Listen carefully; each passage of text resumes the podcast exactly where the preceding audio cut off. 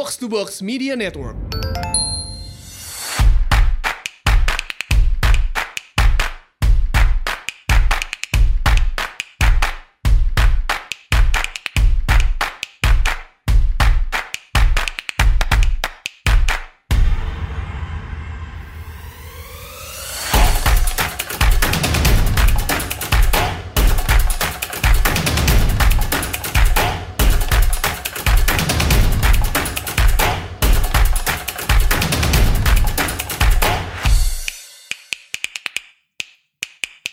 Selamat datang di Asumsi Bersuara bareng gue Rayastu dan kali ini kita kedatangan tamu yang luar biasa nih.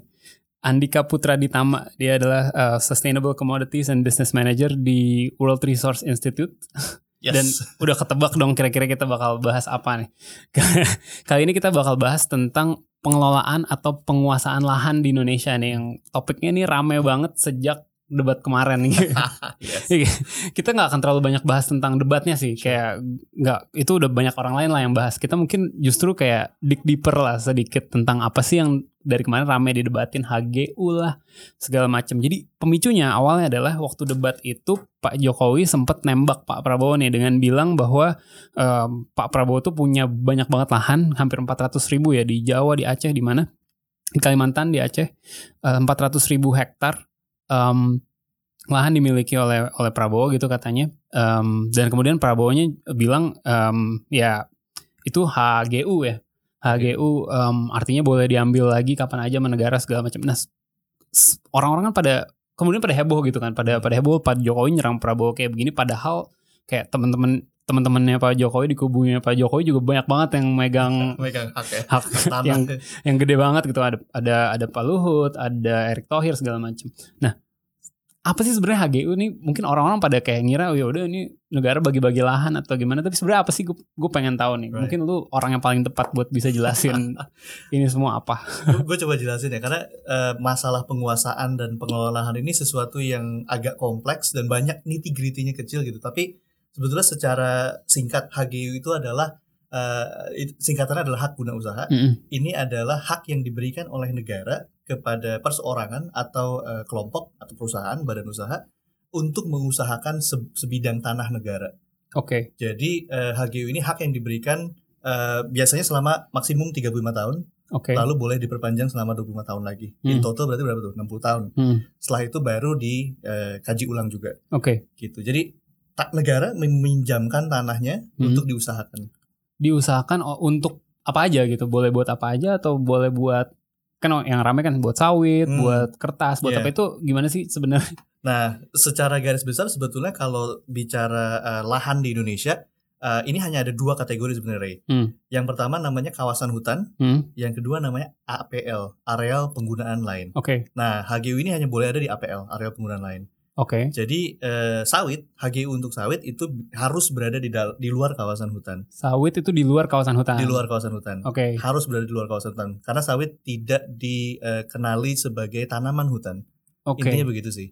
Nah, di dalam kawasan hutan ini juga banyak hak-hak yang bisa dipegang oleh individu atau perusahaan. Hmm. Eh, yang, yang sebetulnya di dalam debat itu Pak Prabowo eh, di Kalimantan Timur ya, Hmm. dia sebetulnya nggak punya HGU, tapi yang dia punya adalah HTI, Hutan Tanaman Industri. Dia bilangnya dia punya HGU padahal Punya HGU. padahal dia yang punya HTI. Sebenarnya HTI. Mungkin dia sendiri nggak tahu kali ya dia punyanya apa. banyak mungkin ya banyak Saking mungkin banyaknya. ya. jadi gue punya HGU bang Jadi punyanya HTI, hak hak Tan- eh, eh, sorry hutan tanaman industri hutan tanaman industri. Oh, karena dia pabrik kertas ya. pabrik kertas yang kertas Kiani itu. Oke, oke, oke. nah eh, jadi di dalam kawasan hutan pun ada kawasan-kawasan yang eh, dianggap sebagai kawasan produksi Hmm. dan haknya bisa diberikan ke individu atau perusahaan Oke. ada HTI ada eh, hutan pengelolaan hutan alam Hmm. begitulah Diberikan tuh gimana sih ada tendernya Hmm. kah? Apa kayak, kayak misalnya apa ada satu itu kan kayak tanah negara Hmm. dikelola oleh swasta gitu kan Hmm. pengennya supaya bisa dapat keuntungan sebesar-besarnya Hmm. bayar pajak lagi ke negara segala macam. Iya. Tapi itu ada tendernya kah kayak siapa sih yang harusnya dapat dapat dapat tanah-tanah ini untuk dikelola Iya. sendiri gitu? ini yang sebenarnya agak tricky. Jadi kalau untuk hutan, eh, untuk kawasan hutan, eh, kita bisa ngelihat kalau itu berada di kawasan hutan produksi, lu bisa eh, submit izin, Hmm. eh, submit permintaan izin ke Kementerian Lingkungan Hidup dan Kehutanan. Hmm. Misalnya lu mau pengen, pengen punya hutan tanaman industri, Hmm. eh, lu bisa lihat area yang masih kosong mana, terus lu ajukan izin. Nanti Oke. negara akan memberikan kalau syarat-syaratnya terpenuhi.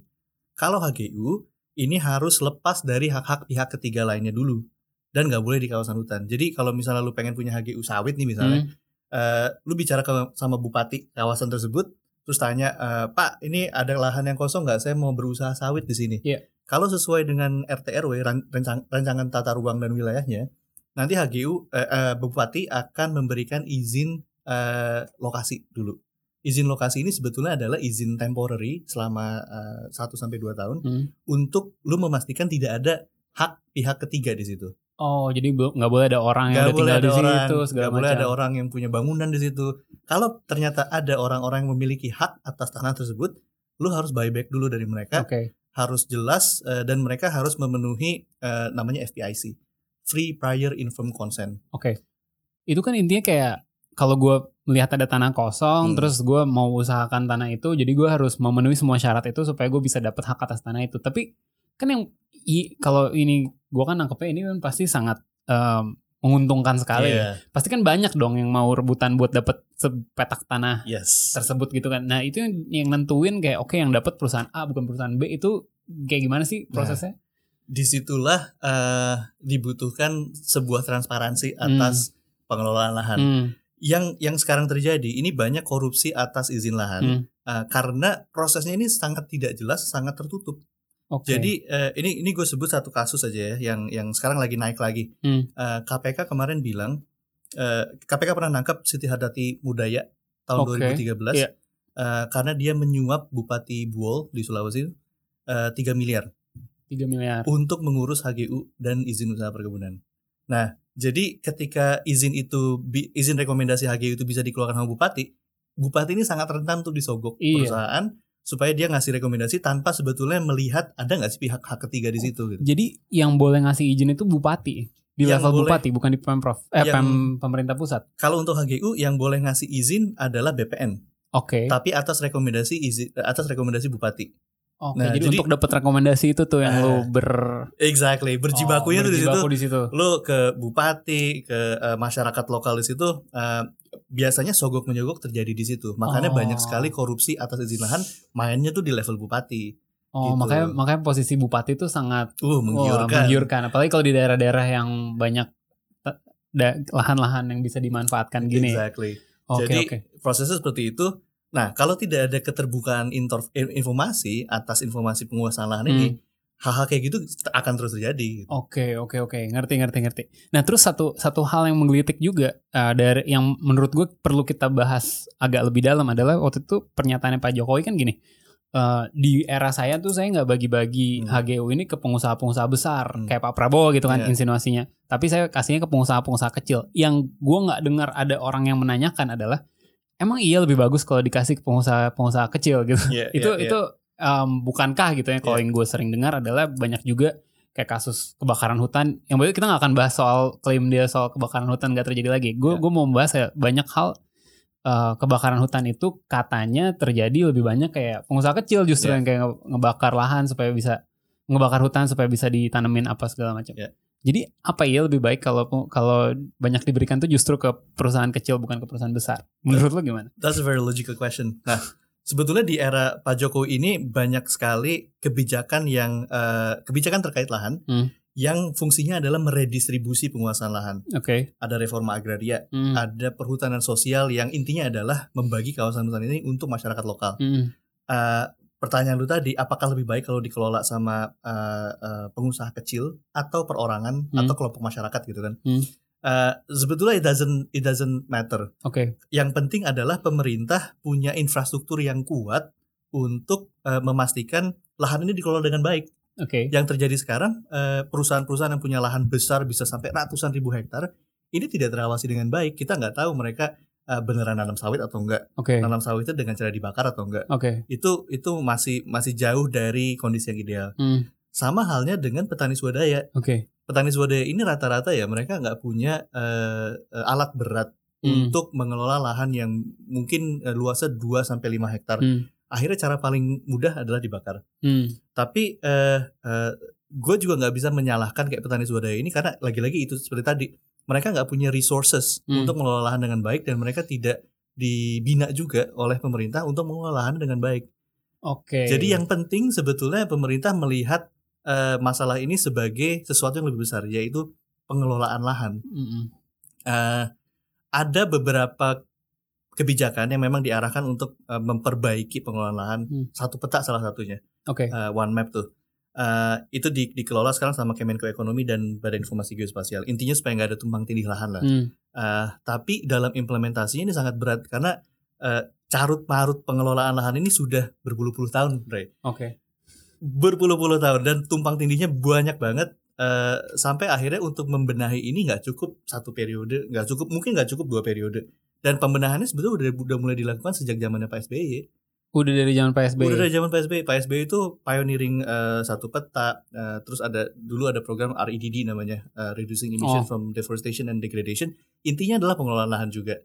Tapi memang eh, proses ini sangat lama eh, hal-hal yang sangat teknikal. Tapi yang paling berat eh, memperbaiki pengelolaan lahan ini artinya adalah mengganggu eh, power structure yang ada Oke, sekarang. ya, Itu yang paling berat. ini mulai, ini mulai menarik. Jadi jadi sebenarnya bukan masalah pengusaha besar pengusaha kecil ya, tapi Iya. kayak gimana pemerintah tuh punya kuasa nggak sih untuk memastikan mereka tuh mengelolanya dengan kaidah-kaidah yang benar gitu. exactly. ya. Satu hal lagi juga terkait debat kemarin itu ada ada kata-kata yang menurut gue lumayan menggelitik. Jadi em, terakhir-terakhir di closing statementnya si Pak Prabowo ini bilang kayak daripada lahan-lahan itu dikuasai asing, lebih baik dikuasai saya gitu kan. Hmm.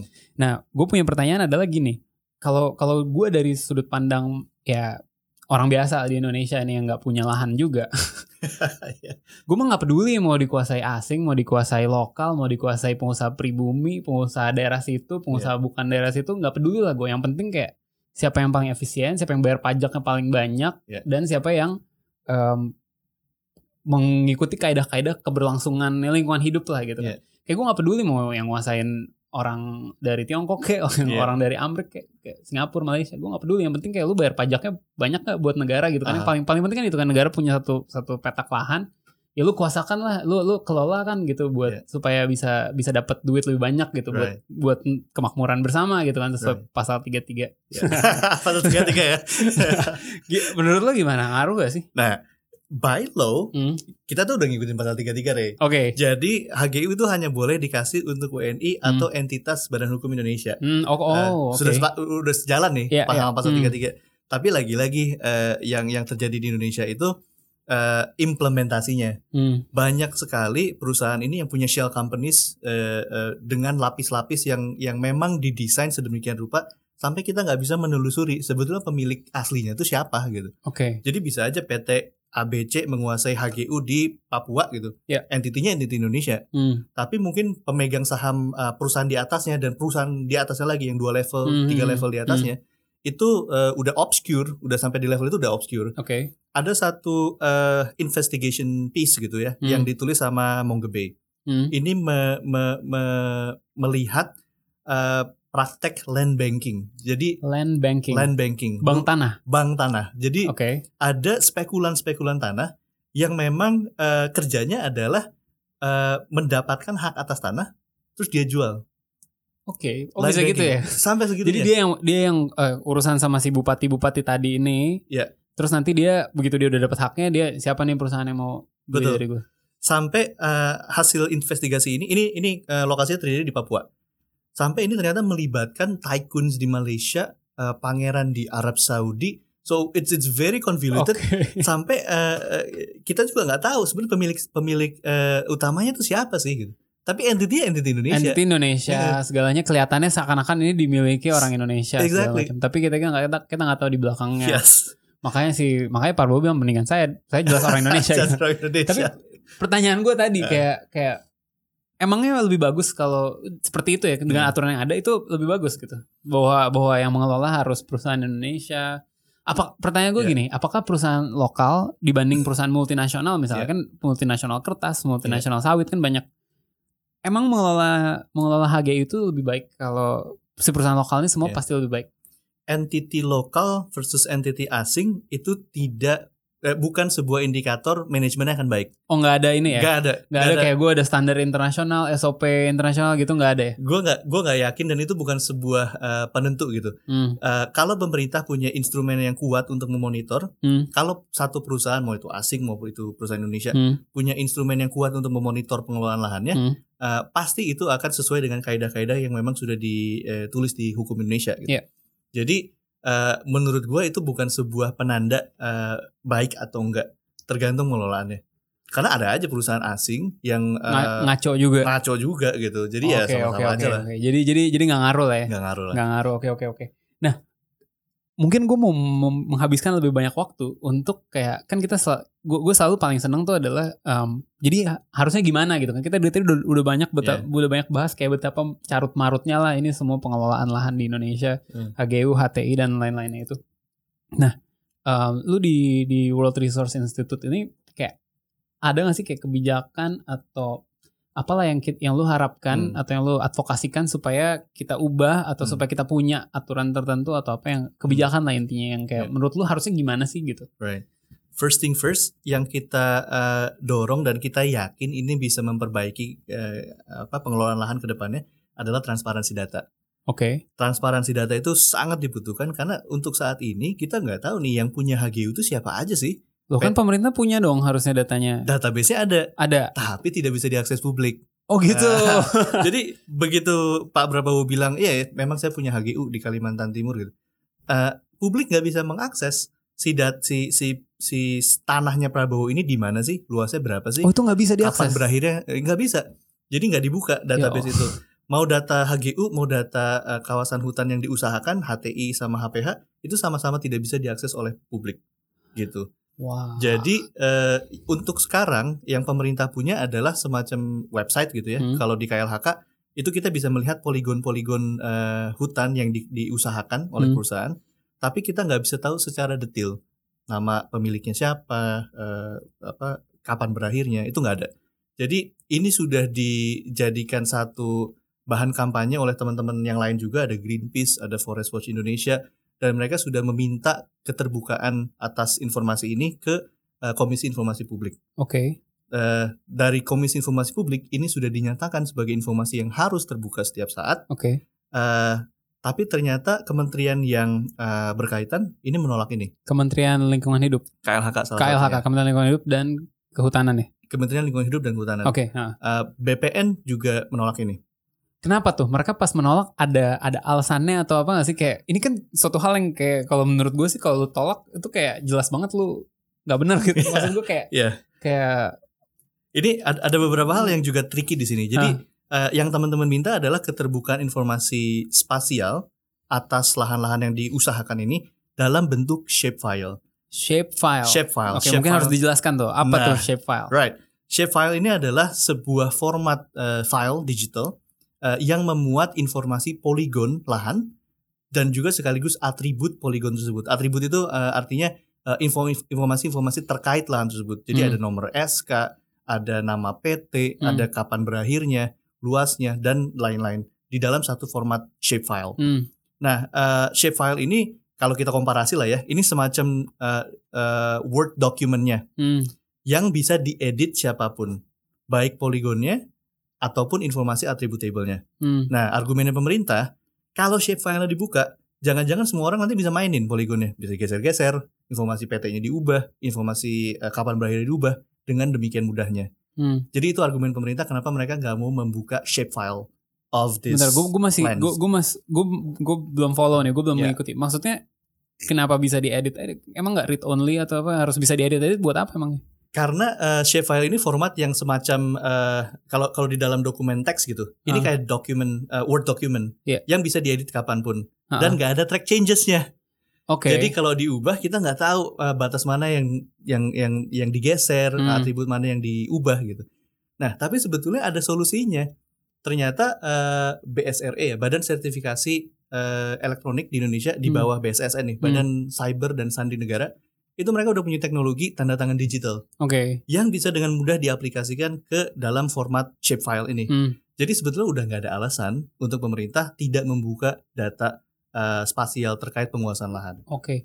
Berarti sampai sekarang nih Hmm. belum ada data yang bisa diakses publik dengan mudahnya kita bisa melihat misalnya kayak di Kalimantan itu tanah ini punya siapa, dipakai perusahaan apa, berapa hektar segala. Itu sebenarnya nggak ada. Sumber resminya nggak ada. Sumber resminya nggak ada. Sumber resminya nggak Jadi ada. pemerintah punya tapi itu belum di belum dikasih. Exactly. Nah tadi kan udah menang di Komisi Informasi Publik itu. Ya. Terus gimana? Ini juga udah sempat naik. Jadi eh, kementerian itu banding sampai tingkat Mahkamah Agung. Hmm. Ternyata di tingkat Mahkamah Agung dimenangkan lagi eh, eh, si eh, Forest Watch Indonesia ini.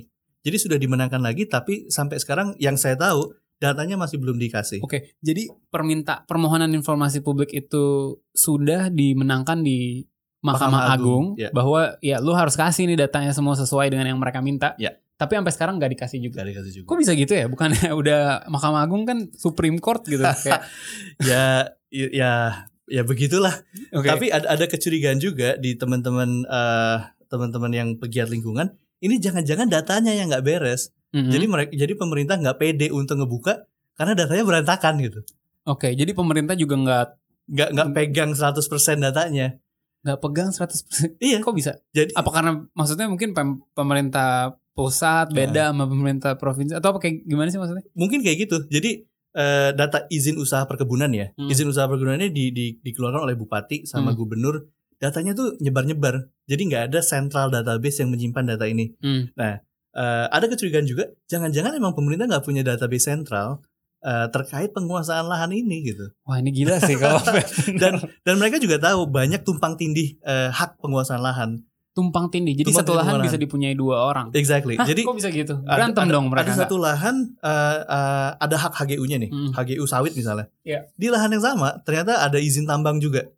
Kan Oh, ribet ya. oke. Jadi dua perusahaan bisa berantem. Hmm. Belum di situ ada campur tangan, eh, bukan campur tangan, ada hak masyarakat lokal juga. Oke. Jadi mungkin pemerintah juga uh, kebingungan untuk merilis data ini karena akan berpotensi menimbulkan konflik. Ya. Uh, dan itu sebetulnya yang akan di uh, di address oleh uh, kebijakan satu petanya uh, yang diluncurkan oleh Pak Jokowi.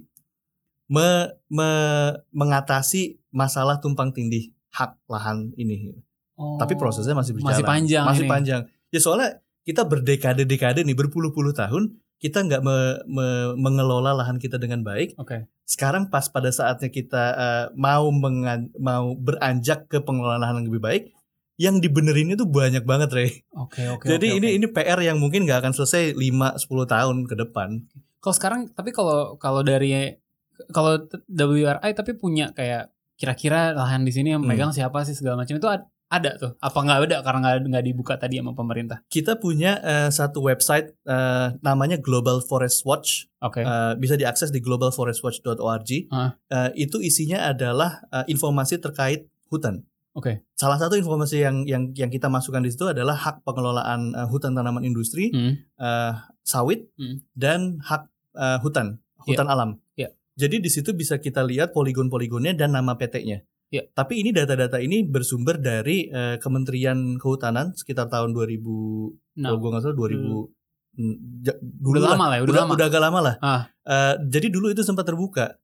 Dulu Info- sempat terbuka. Info- Terus informasi itu sekarang sempat ditutup. terbuka. Sekarang ditutup. Siapa tuh yang nutup? Nah, gue nggak tahu.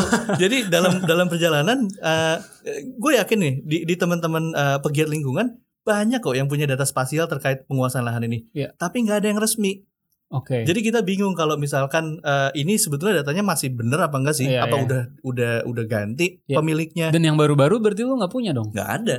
Sampai Ya. sekarang nggak ada. Jadi hanya ada data-data dari tahun 2006 itu. Exactly. Tapi ada ada sumber lain karena kita juga kan eh, terlibat dalam berbagai proses eh, multi pihak ya. Salah satunya adalah RSPO Roundtable on Sustainable Palm Oil. Hmm. Ini sebuah eh, lembaga yang mensertifikasi s- eh, industri sawit. Hmm. Eh, perusahaan yang punya komitmen eh, lingkungan hidup itu mereka wajib merilis eh, shape file dari lokasi eh, sawitnya. Oh, jadi perusahaan-perusahaan gede ada datanya. Nah. Betul, perusahaan-perusahaan besar nih yang udah punya komitmen, mereka submit ke RSPO, RSPO ngasih ke kita. Oke, oke. Karena tadi, memang wajib diketahui publik. tadi tadi website yang lu sebut itu itu open for public kan? Itu open for public. Itu open for public. Free to access eh, dan memuat informasinya sebetulnya eh, global ini, Oke, nggak hanya Indonesia. oke. Itu bisa diatur-atur gitu kan kayak daerah mana ini yang kalau lahan sawit siapa yang punya segala macam bisa kelihatan. gitu. Yes, exactly. Oke, itu bisa bisa berarti- dieksplor lah. Berarti gue encourage kalian semua untuk coba masuk ke website itu ya kita akan taruh tuh di, di Yeah. description di apa description post podcast ini biar pada bisa iseng Yeah. ngeliat lahan di mana siapa yang punya sih. Ada Ada ada informasi deforestasinya juga. deforestasi juga. Lu Jadi bisa lu, lihat. lu bisa ngeplay nih Hmm. dari tahun 2001 sampai tahun 2018 deforestasi itu terjadi di mana aja dan seberapa besar. Oke, wah Gitu. seru banget tuh. nah itu itu em, oke jadi oke semua abis ini pada pada buka lah ya itu itu website. Itu lu ada, ada yang ini gak sih ada yang menarik gak sih kayak perusahaan mana sih yang punya lahan gede-gede banget Da- dari nama-nama yang tadi kita sebut tuh gede-gede banget atau sebenarnya jangan-jangan yang punya lahan yang paling gede tuh nama-nama yang kita nggak pernah dengar sama sekali gitu kayak siapa di belakangnya gitu. Yang terakhir itu tuh Ray. Oke. Jadi banyak banget eh, penguasaan lahan yang yang yang dikuasai oleh PT-PT yang kita nggak pernah dengar. Pemiliknya siapa? Oh. Papua. Papua ini kan sebetulnya provinsi yang yang luas besar banget. Papua dan Papua Barat. Iya. Di Papua Barat itu ada satu perusahaan yang punya ada be- bukan satu perusahaan malah beberapa perusahaan Hmm. yang penguasaan eh, hutan alamnya itu lebih besar dari 100 ribu hektar. Lebih besar dari 100 ribu hektar. Bayangin ada satu perusahaan Iya. pemegang izin usaha hutan alam Hmm. yang luas kawasannya 300 sekian ribu hektar. Iya. Itu berapa ya? Jakarta itu luasnya 60 66 ribu hektar kalau gua nggak Iya, salah. iya. Lima kali lebih besar daripada Jakarta dikuasai satu perusahaan saja. Dan lu nggak tahu itu siapa? Dan gua nggak tahu pemilik di belakang itu siapa. Dan isinya itu masih hutan primer yang bagus banget. Oke. Lima besar, lima kali lebih besar di Jakarta. Lu Terus itu dipakai buat apa kita nggak tahu juga. Sampai sekarang ke- kelihatan ya kalau dari dari Global Forest Watch ya itu belum di belum dibuka lahannya. Artinya masih intact aja. Oh. Forestnya masih- masih utuh. Nah inilah praktek-praktek yang disebut land banking. Jadi mungkin si si si izin Maklar doang nih maklar doang. Jadi izin ini mungkin diperoleh tahun 80-an gitu. Aha. Terus karena eh, izinnya masih eh, masih jauh gitu expire-nya, Ah. ya udah di dia di keep aja. Mungkin ini bisa dijaminkan ke bank, bisa dia dija- bisa jadiin bahan jualan ke investor asing. Tapi ya itulah land banking itu terjadi dan banyak banget. Wah gila ini gila banget sih, gila banget sih. gue punya pertanyaan lagi nih, kita masih ada waktu. Gue punya satu pertanyaan lagi. Tadi kan satu hal yang pengen lo ajukan adalah tentang keterbukaan data kan, Ya. keterbukaan informasi gitu. Tapi soal yang menurut gue penting banget juga adalah yang tadi tentang kayak per- perlu gak sih pros? Kalau gue melihatnya, ini mungkin lo jauh lebih paham. Tapi gue merasa perlu banget ada kayak proses tender yang yang benar gitu. Ketika Ya. misalnya ada satu tanah kosong, siapa nih yang mau mengelola ini? Ya. Dan harusnya pada bidding kayak gue mau mengelola kalau gue yang mengelola negara bisa dapat sekian dalam pajak atau royalti atau apa pun itulah gitu. Iya. Jadi intinya kayak yang yang men- menurut gue penting adalah siapa yang mengelola itu bisa ngasih berapa nih ke negara ke pembayar pajak ke kita semua gitu. Iya. Nah itu sekarang kan nggak ada tuh Sekarang nggak ada. kayak gitu. Iya. Itu itu apakah juga salah satu hal yang yang lagi diajukan atau mungkin ada hal lain lagi yang yang lu pengen dorong Iya. supaya negara. Yang ada sekarang adalah proses eh, konsultasi publik. Oke. Jadi kalau sebelum kita diberikan hak HGU sama BPN, Hmm. Perusahaan sebetulnya wajib untuk mengkonsultasikan rencana bisnisnya ke masyarakat sekitar yang akan terdampak. Mm-mm. Nah, jadi masyarakat nanti sebetulnya bisa punya hak untuk menolak uh, atau menyetujui hak uh, pengelolaan lahan tersebut. Oke. Tapi ya seperti kita tahu ya, kalau misalnya uh, uh, apa HGU ini diterbitkan di Papua atau di Kalimantan yang jauh sekali remote gitu, masyarakatnya belum tentu punya uh, punya kapasitas untuk menilai apakah perusahaan tersebut bisa menguntungkan uh, mereka atau enggak ke depannya. Gitu. Hmm. Eh, yang banyak terjadi adalah hak-hak penguasaan lahan ini justru merenggut eh, hak hidup mereka karena mereka kan hidup banyak dari produk-produk hutan, Hmm. produk-produk eh, apa jasa-jasa lingkungan seperti mereka ngambil ikan dari sungai, Hmm. mereka ngambil madu dari hutan gitu. Hmm. Ketika ini diubah jadi monokultur, jadi sawit, Iya. jadi hutan tanaman industri, eh, akhirnya mereka jadi nggak bisa lagi hidup dari hutan gitu, karena karena udah berubah ekosistemnya. Ini yang biasanya eh, kurang eh, kurang dipahami oleh pemerintah daerah yang Hmm. menerbitkan hak-hak atas lahan ini, atau juga masyarakat lokal yang mungkin nggak sadar mereka dapat uang penggantian HGU ini Ah, eh, besar gitu di awal, tapi eh, 5-10 tahun kemudian mereka agak susah untuk hidup gitu. Karena mereka nggak punya penghasilan lagi gitu. Oke, tapi menurut lu idealnya gimana? Misalnya misalnya di di satu ada satu lahan yang gede banget yang Iya. yang tadinya di tadinya ya hanya ada penduduk lokal setempat dan Iya. mungkin sedikit gitu. Iya. Apakah mereka lalu pu- jadi punya ap- apakah menurut lu seharusnya mereka punya kuasa untuk bilang nggak mau gue nggak mau ada ada nggak mau lahan berapa hektar ini jadi lahan sawit gitu. Iya. Yang mana padahal sebenarnya kan ya ya itu tadi kan tan- tanah bumi dan a- bumi, air dan segala di ini kan Dikuasai negara negara, ya. untuk ke Iya.